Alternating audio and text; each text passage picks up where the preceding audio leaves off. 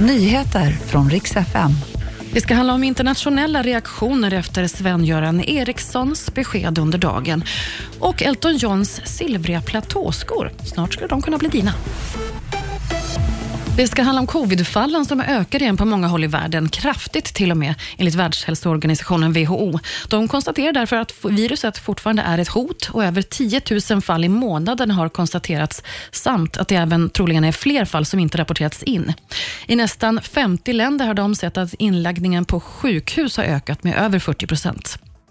Fotbollsvärlden och många med dem förstås chockades idag av beskedet från Sven-Göran Eriksson som meddelat att han är svårt sjuk.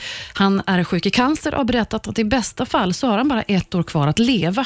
Det här beskedet har förstås fått stor uppmärksamhet både bland fotbollssupportrar här hemma och internationellt.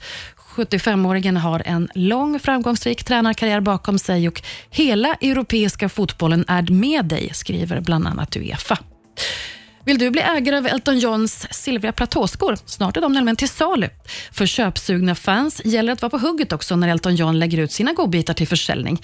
Allt från extravaganta solglasögon till juvelbeprydda klockor, också erotisk konst och till exempel en Bentley ska säljas. Åtta auktioner blir det med över 900 föremål och de är eftertraktade. Värdet bedöms vara minst 10 miljoner dollar. Och Det var nyheterna. Jag heter Maria Granström.